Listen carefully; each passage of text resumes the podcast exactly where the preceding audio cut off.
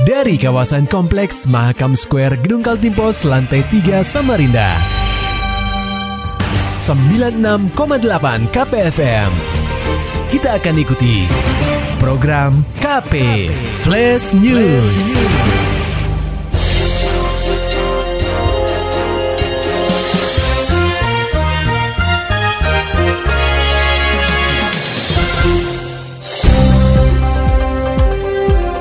Anda sedang menyimak program KP Flash News bersama saya Agung Pratama.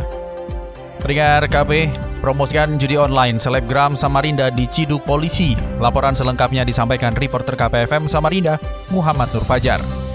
Nasib nahas menimpa selebgram perempuan asal kota tepian berinisial ID. Dia harus mengenakan baju oranye khas tahanan. Setelah ketahuan mempromosikan situs judi online di akun Instagramnya, Kapolresta Samarinda Kombes Pol Arif Fadli menuturkan, kasus ini terungkap pada Jumat 29 September lalu ketika unit siber Satreskrim Polresta Samarinda melaksanakan patroli siber di media sosial. Saat itu petugas menemukan satu akun Instagram yang kontennya mengiklankan salah satu situs judi online Jeju Slot. Temuan ini pun segera ditindaklanjuti dengan melakukan penyelidikan dan membekuk ide di tempat tinggalnya. Berdasarkan hasil penyidikan, Ari menjelaskan bahwa tersangka telah mempromosikan situs judi online sejak 2-3 bulan yang lalu. Dari kegiatan itu, ide memperoleh bayaran sekitar 400 500 ribu rupiah dalam sekali postingan yang mempromosikan situs judi online tersebut. Tidak, jadi semuanya komunikasinya uh, via Telegram. Ya.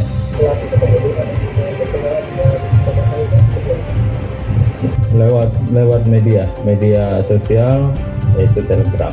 Kemudian pelaku tertarik, kemudian dari uh, pemilik uh, situs tersebut menawarkan untuk mempromosikan situs tersebut di media sosial dari tersangka. Atas perbuatannya tersebut, IDE akan dijerat dengan pasal 45 ayat 2 Junto Pasal 27 Ayat 2 Undang-Undang Nomor 19 Tahun 2016 tentang perubahan atas Undang-Undang Nomor 11 Tahun 2008 tentang ITE dan atau Pasal 303 Ayat 1 dan 2 KUHP dengan ancaman pidana paling lama 6 tahun. KPFM Samarinda, Muhammad Fajar melaporkan. Berita selanjutnya pendengar KP selama tiga pekan lamanya terhitung sejak 19 September hingga 9 Oktober 2023. Polresta Samarinda bersama Polsek Jajaran menjalankan operasi anti narkotika atau Antik Mahakam. Operasi ini menyasar para pelaku peredaran dan penyalahgunaan narkoba di kota tepian. Kapolresta Samarinda, Kombes Pol Arif Fadli memaparkan selama tiga pekan jalannya operasi Antik Mahakam 2023, pihaknya mampu mengamankan 83 pelaku penyalahgunaan dan peredaran narkoba di kota tepian dengan rincian 8 perempuan dan 75 laki-laki. Selama pelaksanaan operasi Antik Mahakam 2023, Hari mengatakan barang bukti narkotika yang berhasil diamankan adalah sabu-sabu seberat 347,51 gram bruto serta 12,30 gram bruto ganja serta uang tunai sejumlah 112 juta 181 ribu rupiah yang diduga merupakan hasil penjualan barang haram tersebut. Jadi ada 51 kasus dalam operasi Antik Mahakam 2023 ini yang kita tangani.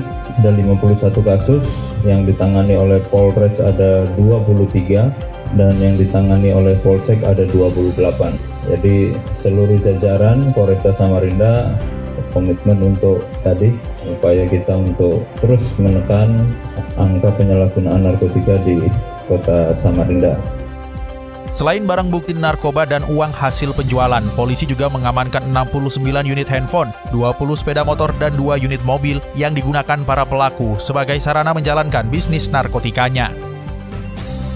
Sementara itu pendengar KP berita selanjutnya Badan Narkotika Nasional Provinsi atau BNNP Kaltim menggagalkan upaya peredaran tembakau sintetis yang masuk ke Samarinda melalui jasa ekspedisi kantor pos.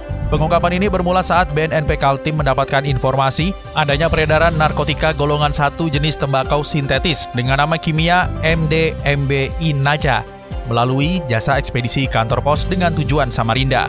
Menindaklanjuti informasi tersebut, petugas BNNP Kaltim mendatangi kantor pos di Jalan Wahid Hashim 1, Kelurahan Sempaja Selatan, Kecamatan Samarinda Utara, untuk memastikan paket tersebut sudah tiba di kantor pos. Kabit Pemberantasan dan Intelijen BNNP Kaltim Kombes Pol Dedi Agustono mengatakan, Setelah berkoordinasi dengan pegawai kantor pos diperoleh informasi bahwa paket tersebut sudah berada di gudang kantor pos sehingga petugas langsung melakukan pemantauan untuk mengetahui siapa pemesan dan penerima paket tersebut. Namun setelah beberapa hari melakukan pemantauan, paketan tersebut tak kunjung diambil oleh pemesan. Tepat pada Jumat 4 Agustus lalu, petugas berkoordinasi dengan kepala cabang kantor pos untuk membuka paket tersebut. Ketika dibuka, petugas menemukan satu plastik bening berisi serbuk coklat muda dengan berat 104,7 gram bruto yang diduga narkoba jenis tembakau sintetis. Mantan Wakap Polresta Samarinda itu memaparkan tembakau sintetis dengan nama kimia MDMB Inaca tersebut merupakan jenis narkotika golongan baru yang termasuk dalam New Psychoactive Substances atau NPS. Eh golongan baru, iya betul. Itu termasuk di, di kita ada istilah nama NPS, uh, eh, New uh, apa Prevention Sintetis itu ada ada beberapa jenis ya salah satunya tadi. Bentuknya itu seperti apa? Apa? Iya bubuk macam-macam. Ada cair, ada bubuk, ada hmm. ini. Kalau efek sampingnya sendiri? Eh, dia cenderung seperti ganja. Hmm. jadi digunakan dibakar uh, dengan dicampur dengan tembakau hmm. seperti itu. Kalau untuk narkotika jenis baru ini tidak ada tersangkanya, Pak? Ah, karena dia melalui ekspedisi, uh-huh. ekspedisi dan kita uh, yang ngambil kita ini kan hmm. pemesanan langsung dari luar. Dia. Hmm, datang nah, dari mana, Pak? Dari Malaysia pengiriman dari, dari Malaysia. Malaysia. Eh, dari Malaysia.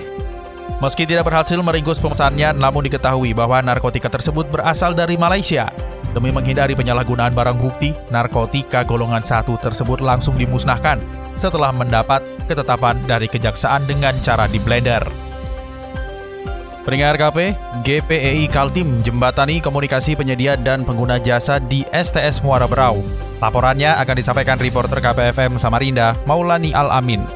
Pendengar KP, Fokus Group Discussion atau FGD yang membahas tarif bongkar muat pelabuhan Muara Brau, Kutai Kartanegara berlangsung di Samarinda. Dalam forum itu, turut menyinggung terkait penetapan harga yang menjadi keluhan para pemilik barang. Pihak PT Pelabuhan Tiga Bersaudara atau PTB yang dipercaya menjadi operator pelabuhan angkat bicara. Direktur Pengembangan Bisnis PTB Kamarudin Aptami menerangkan, harga yang sudah ditetapkan telah menyangkut berbagai pelayanan.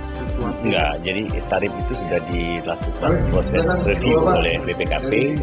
Uh, banyak banyak pihak yang sudah membuat filter tarif itu dan uh, saya kira tarif wajar yang dikeluarkan pemerintah hari tarif yang ada sekarang menurut kita juga belum tarif ideal. Ya idealnya adalah tarif dengan opsi satu. Yang sampaikan tarif itu dua tahun yang lalu. Ya. Pembahasan baru selesai sekarang. Pelayanan yang diterapkan di Muara Brau di antaranya jasa bongkar muat, pemanduan hingga keamanan di sekitar wilayah konsensi yang dimiliki. KPFM Samarinda, Maulani Al-Amin, melaporkan.